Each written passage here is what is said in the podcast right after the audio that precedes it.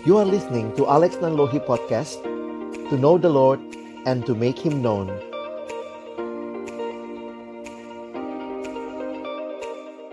Mari jemaat yang dikasihi Tuhan kita datang kepada Tuhan di dalam doa.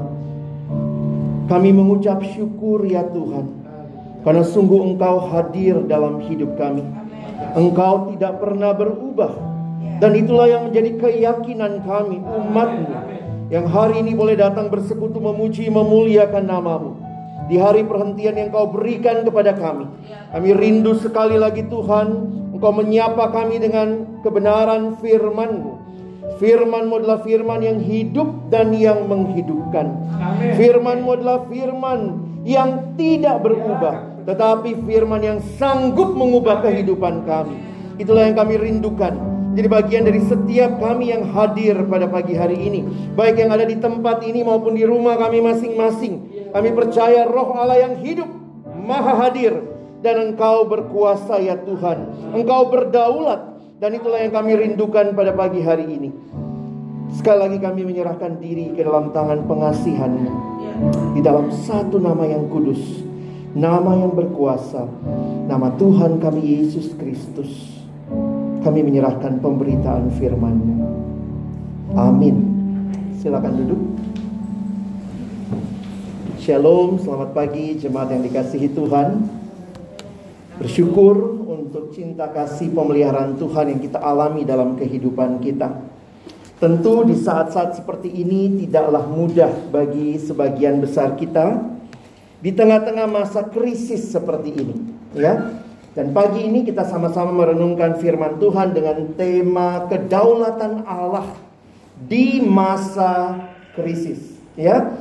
Nah, saya mengajak kita sama-sama nanti akan melihat bagian firman Tuhan dan seperti saya katakan tadi ya, kita ingat dan uh, lihat situasi yang ada di sekitar kita begitu. Bisa tolong next? Saya tidak bisa mengontrolnya dari sini. Oke. Okay. Corona masih belum usai. Walaupun kita bersyukur sudah banyak juga vaksin yang boleh didistribusikan sehingga ini menolong juga untuk mengatasi Sebagian ada yang masih harus uh, bekerja dari rumah, ya, atau mungkin anak-anak kita next harus sekolahnya online, dan juga bahkan next ibadah kita pun masih harus online, ya. Nah, karena itulah kita melihat situasi yang ada ini bagaimana sebagai orang percaya. Bagaimana saudara dan saya akan bisa melewatinya. Dua tahun sudah kita lewati, tetapi masih belum tahu berapa jauh lagi ke depan kita harus melewati semua ini. Hari ini kita akan melihat kedaulatan Allah di masa krisis ya. Firman Tuhan yang mendasari perenungan kita pagi ini diambil di dalam Mazmur 11 Mazmur 11 ayat 1 sampai dengan ayat yang ketujuh. Bagi Bapak Ibu Saudara yang bisa ikut membaca, kita akan melihat saya membaca ayat yang pertama, Bapak Ibu sekalian membaca ayat yang kedua, kita bergantian sampai ayat yang ketujuh. Untuk pemimpin biduan dari Daud, pada waktu pada Tuhan aku berlindung. Bagaimana kamu berani berkata kepadaku, terbanglah ke gunung seperti burung Sebab lihat orang fasik. Mereka busur untuk memanah orang yang berbunuh hati di tempat gelap. Apabila dasar-dasar dihancurkan, apakah yang dapat dibuat oleh orang benar itu? Tuhan ada di dalam baitnya yang kudus. Tuhan matanya surga, matanya. Tuhan menguji orang benar dan orang fasik dan ia membenci orang yang mencintai kekerasan. Ia menjadi orang-orang fasik dengan berapi dan Ini memanusiakan itulah isi Sebab Tuhan adalah adil dan ia mengasihi keadilan. Orang yang tulus akan memandang wajahnya. Sedemikian jauh pembacaan firman Tuhan, kita merindukan bahwa kiranya firman ini kembali menguatkan kita pada hari ini. Saudara yang dikasihi Tuhan, Mazmur Daud ini kita tidak tahu persis latar belakangnya, tetapi beberapa penafsir Alkitab mencoba mengajak kita melihat. Nampaknya Daud sudah jadi raja, dan ternyata setelah dia ada di tahta raja pun, bukan berarti semua situasi aman. Kita tahu ancaman bukan hanya dari orang-orang yang bangsa lain yang tidak suka dengan Daud, tidak suka dengan Israel, tetapi juga bahkan dari keluarganya sendiri. Sehingga mari kita melihat ya ketika kita memandang sekitar kalau saudara melihat situasi yang ada, coba kita lihat di ayat berikutnya ya. Kalau kita baca ternyata ini situasinya kira-kira begini Saudara ya. Ada orang-orang yang datang sama Daud di istananya dan bilang, "Raja, Pergilah dari sini, situasi makin sulit. Makanya kalimat yang digunakan terbanglah ke gunung seperti burung. Mengapa? Perhatikan. Karena ayat 2 Sebab lihat orang fasik melentur busurnya Dan memasang anak panahnya pada tali busur Untuk memanah orang yang tulus hati di tempat gelap Dan juga Apabila dasar-dasar dihancurkan Apakah yang dapat dibuat oleh orang benar itu? Ini situasi genting, situasi krisis. Daud mengalami situasi yang tidak mudah. Maka Bapak Ibu Saudara sekalian, saya lanjutkan. Di dalam Mazmur 11 ini, keyakinan Daud kepada Allah sebagai tempat perlindungan membuatnya menolak saran-saran orang untuk melarikan diri untuk memilih pergi. Karena bayangkan ya, kalau raja saja pergi, maka bagaimana rakyatnya? Kira-kira begitu. Maka kita melihat Daud menolak saran untuk melarikan diri, menolak saran untuk menyelamatkan diri dan memilih menghadapi musuh-musuhnya. Saudara yang dikasihi Tuhan, memang ada kalanya hidup ini dapat terasa mirip seperti medan pertempuran, betul? Dan serangan lawan yang bertubi-tubi bisa mendesak kita untuk cari tempat perlindungan. Mungkin kita diserang dari berbagai pihak dengan masalah, bisa macam-macam, saudara. Seperti gangguan kesehatan, COVID ini yang belum selesai juga, problem keuangan, keretakan hubungan, konflik di dalam kehidupan, di rumah tangga, di dalam pekerjaan, relasi yang sulit satu sama lain, dan juga bahkan pergumulan iman. Beberapa orang dalam situasi sulit bertanya, "Tuhan, di manakah Engkau? Apakah Engkau masih tetap Allah yang berdaulat?"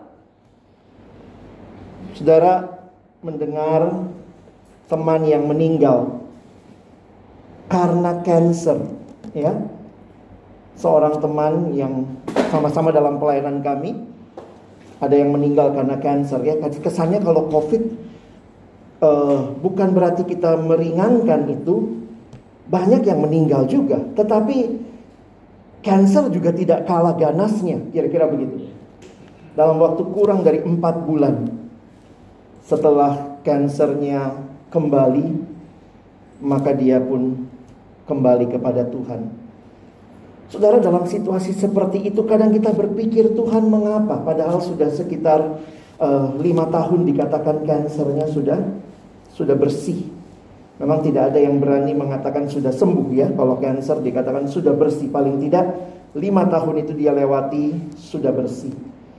Tapi kemudian relapse lagi muncul kembali dan coba melakukan berbagai pengobatan dan kemudian kembali kepada Tuhan.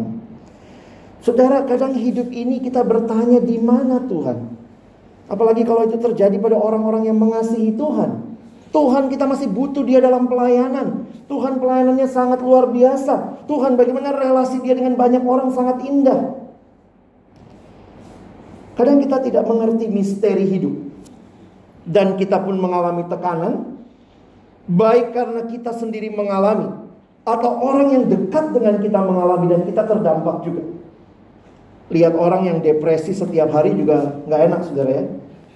Lihat orang yang punya pergumulan yang tidak mudah. Wah, sekali lagi nggak mudah. Suami yang mendampingi istri yang cancer pun berkata, sakit sekali Tuhan. Lepaskan istriku dari kesakitan ini. Saudara kadang-kadang situasi-situasi hidup tidak ada yang mudah ya. Tapi realitanya begini. Emangnya cuman orang Kristen yang kena seperti itu? Enggak juga. Di luar sana juga orang-orang mengalami pergumulan hidup. Itulah realita dunia yang sudah jatuh di dalam dosa. Lalu apa yang membedakan saudara yang menghadapi pergumulan hidup dengan mereka yang belum kenal Tuhan yang juga mengalami pergumulan hidup? Saya pikir bukan pergumulannya yang harus kita teliti karena pergumulannya rata-rata sama, masalah keuangan, masalah kesehatan, masalah keluarga. Tetapi bagaimana respon kita ketika saudara dan saya mengalami pergumulan kehidupan? Nah, di sinilah Daud membagikan keyakinannya Daud membagikan apa yang harus kita lakukan. Kira-kira begitu ya. Bisa lihat di dalam bagian ini. Secara sederhana saya pikir cuma satu kok kuncinya. Memandang kepada Tuhan. Saudara indah sekali. Ketika kita mengalami pergumulan, lalu kita memandang kepada Tuhan dan di situlah kita mendapatkan kekuatan.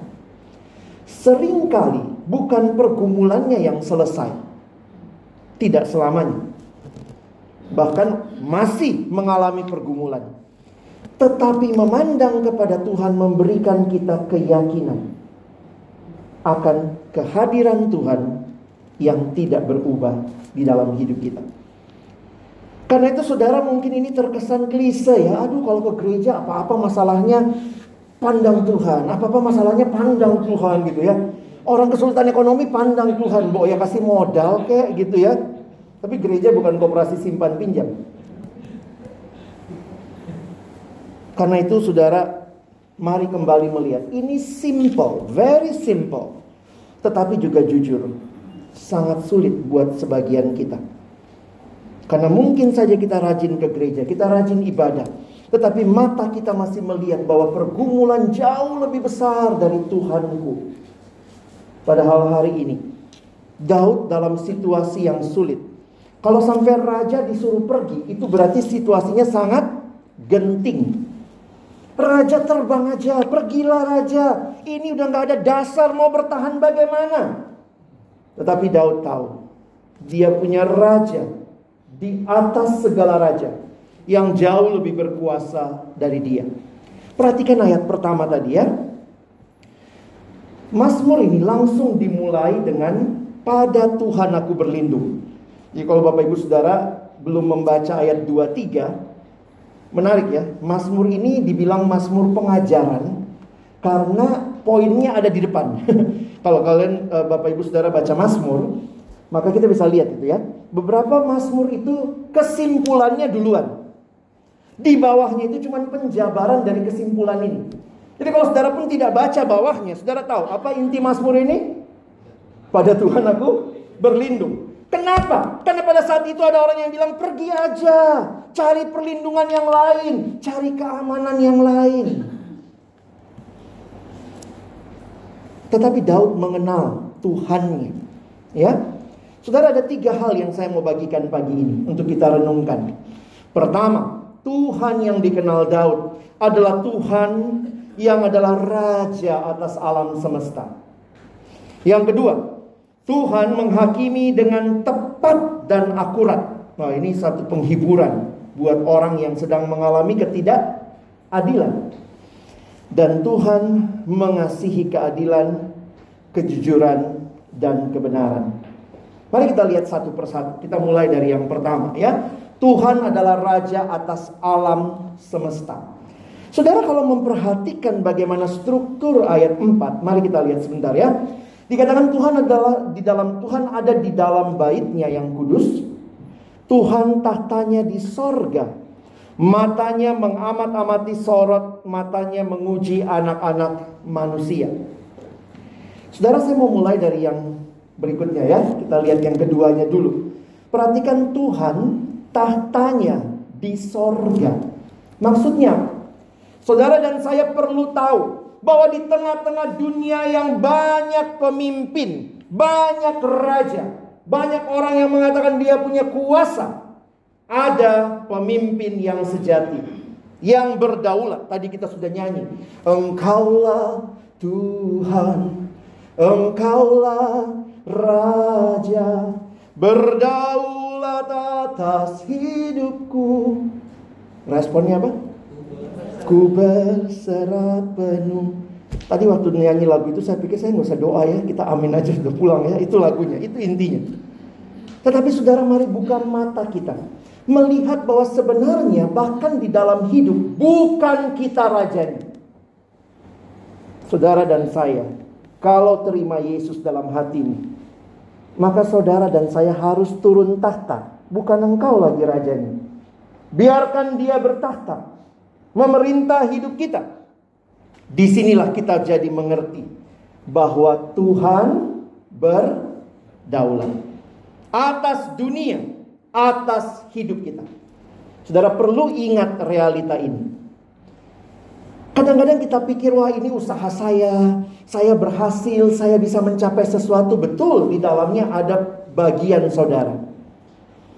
Tetapi ingat, bahwa semua yang kita alami tidak lepas dari kontrol Tuhan. Yang kadang-kadang kita pun harus menyadari, Tuhan saya cuma ciptaan, saya tidak bisa mengerti sepenuhnya apa yang Tuhan mau.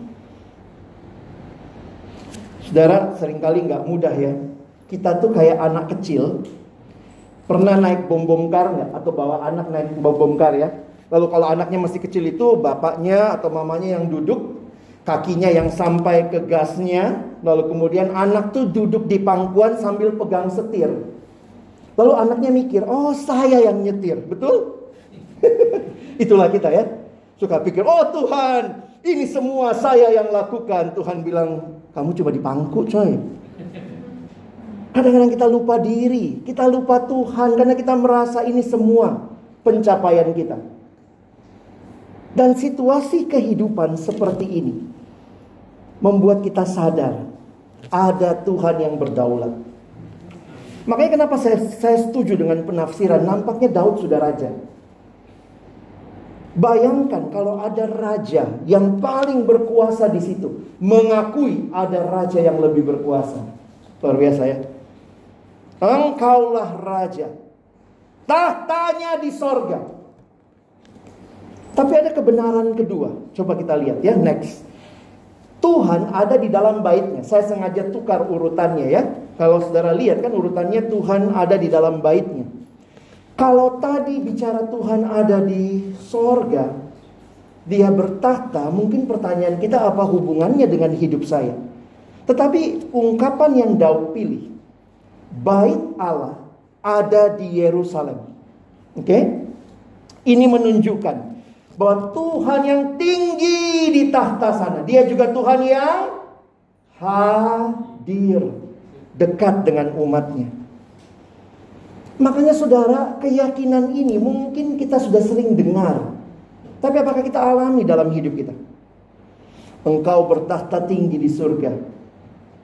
Tetapi engkau juga dekat dengan hidup umatmu. Baik Allah ada di Yerusalem.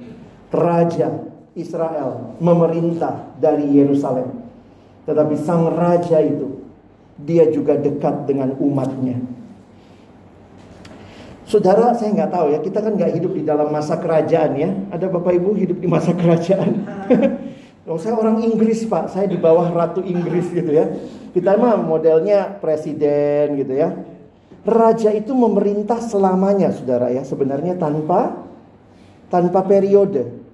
Orang sibuk tiga periode. Raja itu memerintah tanpa periode.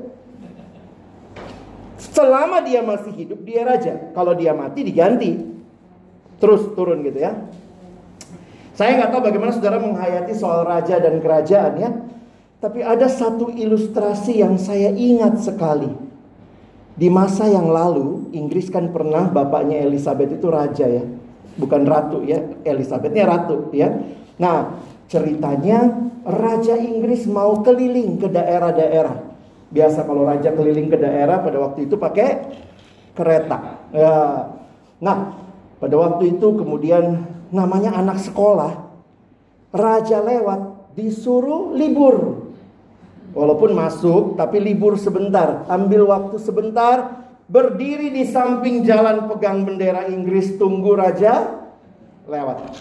Saudara saya waktu masih kecil di daerah, itu kalau presiden datang, ya mungkin ada yang pernah ngalamin di umur-umur saya, kalau presiden datang, itu sekolah libur, kami semua berdiri di depan, di pinggir jalan yang dia lewatin ya. Dia lewatnya jam 10, kami jam 9 udah berdiri. Itulah di daerah ya. Iya bu ya, pakai bendera Indonesia gitu. Terus waktu dia lewat, ya ampun dia lewatnya set. gitu. Aduh saudara cepet banget lewatnya. Kadang saya pikir ya ampun nunggu cuman lihat gitu. Dan nggak kelihatan juga presidennya di dalam pakai kacamata eh, kacanya kaca riben ya kaca hitam mobilnya. Anti peluru lagi. Saudara waktu itu kan ini Raja Inggris ya masih zaman dulu dia naik kereta. Sekolah libur anak-anak semua disuruh baris gitu ya. Lalu kemudian lewatlah sang raja. Dari jauh tuh ya keretanya sudah kelihatan oh lewat kuda kudanya mulai kelihatan wah lihat kudanya aja orang udah senang ah, gitu ya baru lihat kudanya ya karena itu kereta maka lebih lambat saudara jalan mungkin dekat ya Makin dekat lalu kemudian anak-anak tuh semua mau lihat bahwa raja dari atas kereta. Wah raja kan harus berwibawa ya. Dada-dada. Wih, raja kan nggak boleh. Ah, itu mah itu BTS itu ya army itu ya. Ini raja. Oh raja lewat. Ya nggak sampai lima menit juga lewat lah keretanya ya. Ternyata gurunya bilang anak-anak kembali ke sekolah. Ih kembali ya bu. Wah Lalu sepanjang jalan anak-anak kembali ke sekolah semua cerita. Wih tadi aku lihat raja loh. Aduh aku lihat oh kudanya bagus banget gitu. Ih keretanya dari emas. Wah mereka semua senang sekali cerita tentang melihat raja. Lalu kemudian gurunya deketin. Ada satu anak yang nangis terseduh-seduh.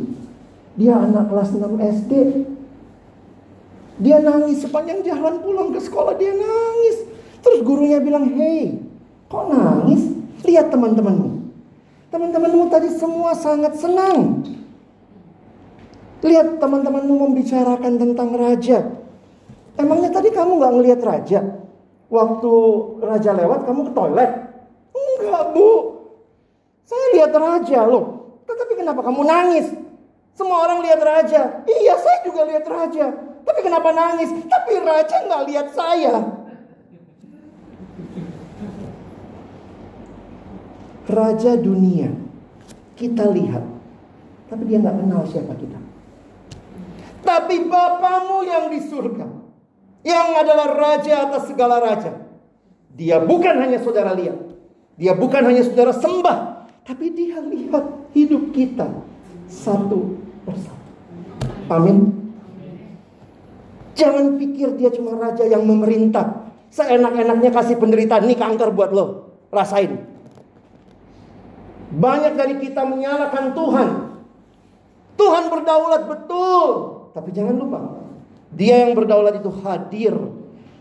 Dekat dengan hidup kita. Dan itu kekuatan kita. Saya tidak tahu berapa lama saudara sudah hidup sebagai orang Kristen. Tetapi pengalaman iman. Mengerti bahwa dia Tuhan, Raja. Kita lihat dia. Kita menyembah dia tapi dia juga kenal kita.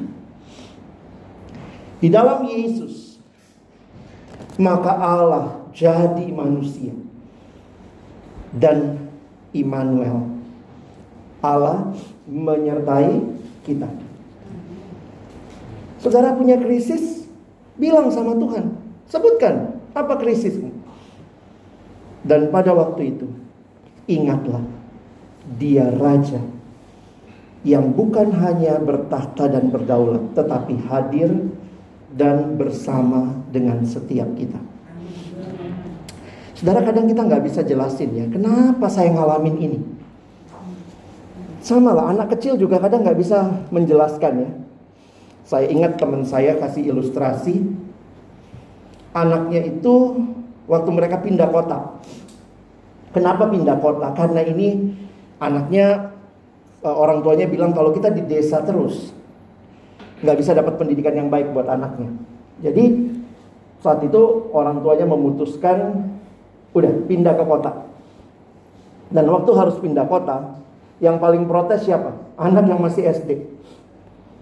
Aku kehilangan teman-temanku. Papa mama nggak peduli sama aku. Mana temanku? Nanti aku di kota nggak bisa temenan. Dan anak komplain terus dan menyalahkan papanya, menyalahkan mamanya. Pokoknya papa mama ini nggak becus. Bikin anak kehilangan teman. Itulah cara pikir anak-anak. Karena dia tidak mengerti seluruh ceritanya. Bahwa sebenarnya pindah ke kota itu untuk kamu. Kadang-kadang dalam pergumulan hidup kita tuh kayak anak-anak ya. Komplainnya sama Tuhan, Tuhan kenapa begini? Tuhan kenapa begini? Kesannya kayak kita mau bilang gini, kalau saya yang jadi Tuhan, saya lebih baik dari kamu ngatur hidup. Wih, gitu ya. Coba kalau saya Tuhan, nggak ada tuh kanker-kanker. Kalau saya Tuhan, nggak ada tuh covid-covid. Kita pikir kalau kita jadi Tuhan lebih baik. Tapi itulah pikiran anak-anak ya. Dan anak-anak harus mengerti, dia bukan orang dewasa. Manusia harus mengerti, kita bukan Tuhan. Karena itu kita belajar percaya sama Tuhan yang berdaulat. Meskipun saudara tidak bisa menjelaskan pergumulan hidup yang kau alami. Tapi satu hal yang pasti. Engkau bisa meyakini Tuhan mengasihimu dan Tuhan hadir dalam hidupmu. Itu sebenarnya kekuatan kita dalam pergumulan. Kita lihat selanjutnya ya. Yang kedua adalah Tuhan menghakimi dengan tepat dan akurat. Kita lihat ayat 5 dan 6 ya. Saya pikir saya tidak usah jelaskan panjang karena ini akan menolong kita melihat bahwa Tuhan menguji orang benar dan orang fasik. Dan ia membenci orang yang mencintai kekerasan, ia menghujani orang-orang fasik dengan arang berapi dan belerang. Angin yang menghanguskan itulah isi piala mereka. Saudara, di tengah-tengah kehidupan mungkin kita mengalami ketidakadilan. Ketika kita mengalami ketidakadilan, rasanya ke manalah kita harus mencari. Seorang teman kena kasus ditipu ya. Katanya mau dimasukin kerja ke salah satu uh, toko ya. Dia udah bayar 9 juta saudara. Habis. Habis bayar 9 juta orangnya nggak bisa dikontak. WA-nya mati. Di blok nomornya. Dan dia bilang, saya itu udah minta uang pinjem sana sini. Nggak adil. Akhirnya nggak bisa tidur, nggak bisa makan gitu ya. Akhirnya kena GERD gitu ya, naik sampai sesek di dada. Pikirnya COVID ternyata pikiran mempengaruhi lambung, asam lambung naik, nyesek dada. Dan memang banyak penyakit dari pikiran ya. Dan pikiran apa yang sering muncul? Tidak adil. Saya cari duit itu nggak gampang. Tapi hilang begitu saja. Kadang-kadang dalam situasi kayak begitu, saudara-saudara ngapain? Biasanya marah ya. Lu goblok sih gitu. Itu bikin tambah kesel tuh. Saudara kalau ada yang punya pergumulan gitu rangkul dulu ya. Dalam hati lu goblok. Ya, tapi rangkul dulu. Karena sering kali situasi yang sulit tidak gampang buat orang melewatinya. Walaupun itu karena kebodohan dia. Rangkullah dia dulu dan bawalah dia melihat kepada Tuhan yang adil. Kadang-kadang saya nggak tahu pergumulannya sekarang trading-trading itu aduh bingung saya lihatnya ya. Saudara ikut yang mana? Yang bodong-bodong begitu ya. Itu orang mau cepet kaya sih. Taruh duit begini beranak segini gitu ya. Ya ampun saudara uangnya buat pelayanan lah gitu ya. Kadang-kadang mikir uang beranak jadi uang lagi. Mendingan uang dipersembahkan jadi jiwa-jiwa bagi kemuliaan Tuhan. Saya bukan berkata tidak boleh trading, tidak boleh investasi, silahkan. Tapi jangan kemudian jadi jadi orang yang sangat egois dan hanya mau uang, uang, uang. Alkitab berkata, akar segala kejahatan adalah cinta uang. Bukan uangnya yang salah ya, cinta uangnya. Jadi masalahnya bukan di uangnya, di hati kita. Yang kalau tidak diperbaharui. Bukan cinta Tuhan, malah lebih cinta uang. Ngeri sekali. Dan banyak orang yang karena situasi ini terus merasa saya kena tipu nggak adil ya.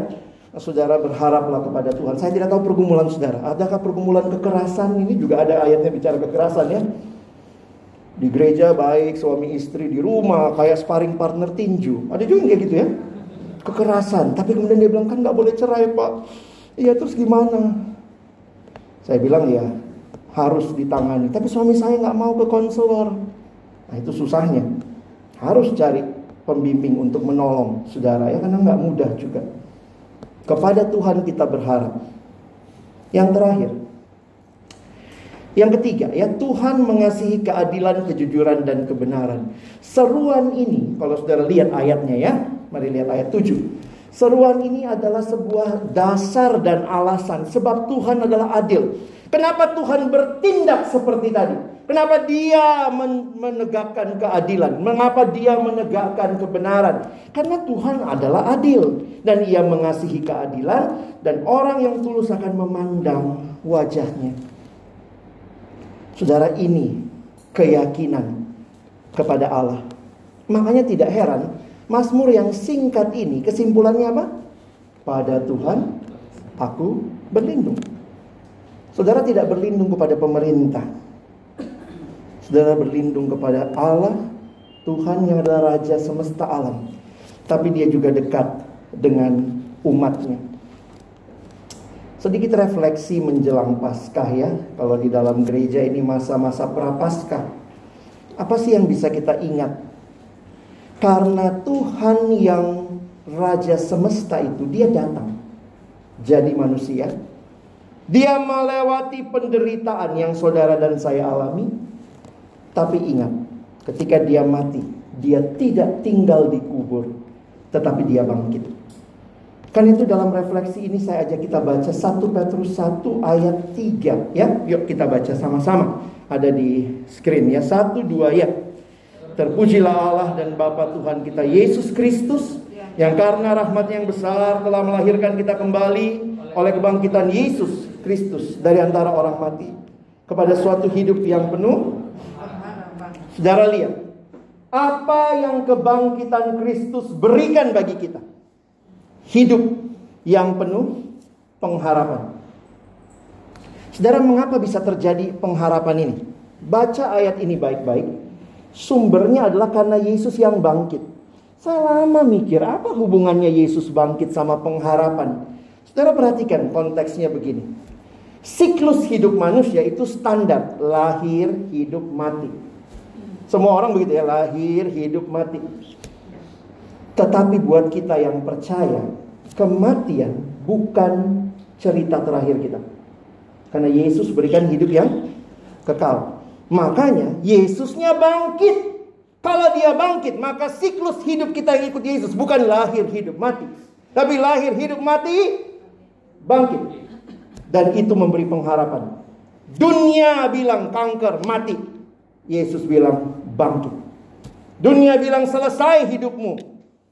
Kenapa? Kamu ditipu habis-habisan. Mampus lo. Selesai hidupmu.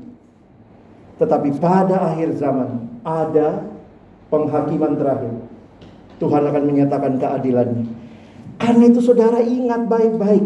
Yesus yang bangkit itu memberikan kita peng pengharapan. Saya tulis begini ya, we have a living hope because we have a living savior. Karena penebusku bangkit, saya juga punya pengharapan yang hidup. Yesus adalah pengharapan sejati. Ingat, pengharapan kita bukan dari dunia, bukan dari dari manusia, tapi dari Allah. Mari coba kita baca Yesaya 2 ayat 22 ya. 1 2 ya. Jangan berharap pada manusia sebab ia tidak lebih daripada embusan nafas dan sebagai apakah ia dapat dianggap. Memang sulit gitu ya. Kadang saya mikir gini, orang Kristen ini kita disebut orang percaya. Tapi apa yang paling sulit dalam hidup kita sebagai orang beriman? Percaya. Percaya bahwa memang Yesus sanggup.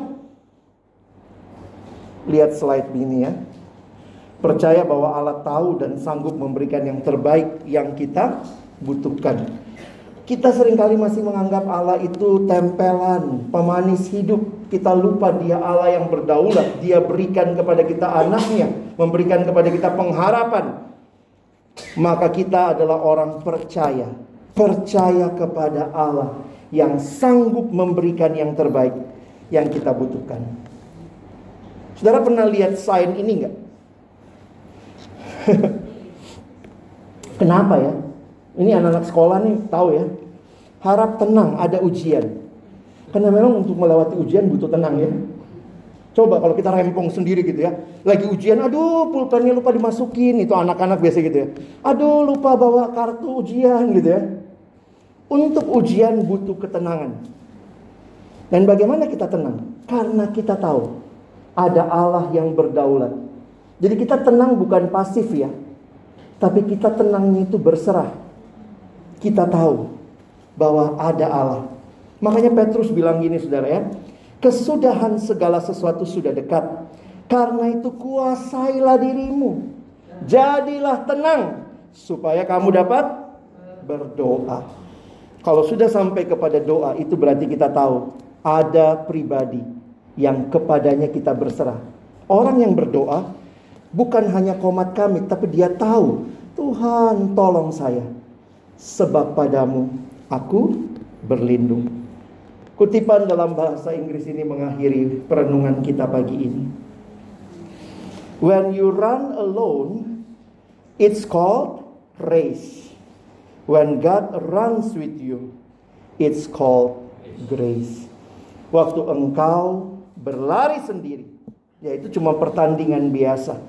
Tetapi kalau engkau berlari bersama Tuhan, disertai Tuhan, itulah anugerah yang terindah.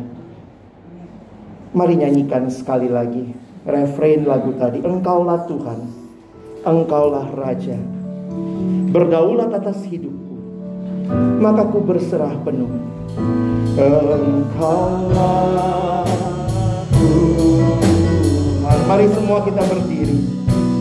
Engkaulah Raja berdaulat,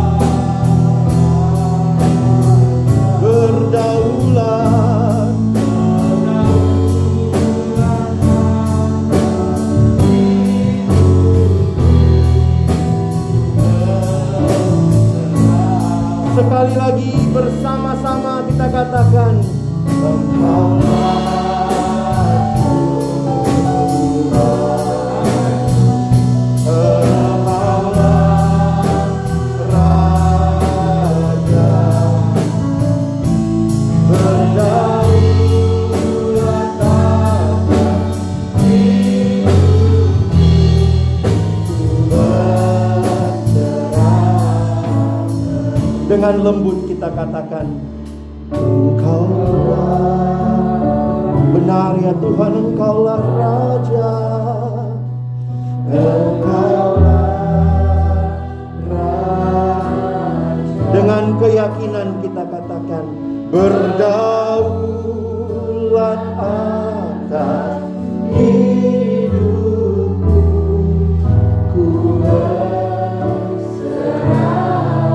Sekali lagi katakan berdaulat, berdaulat atas hidupku. Serah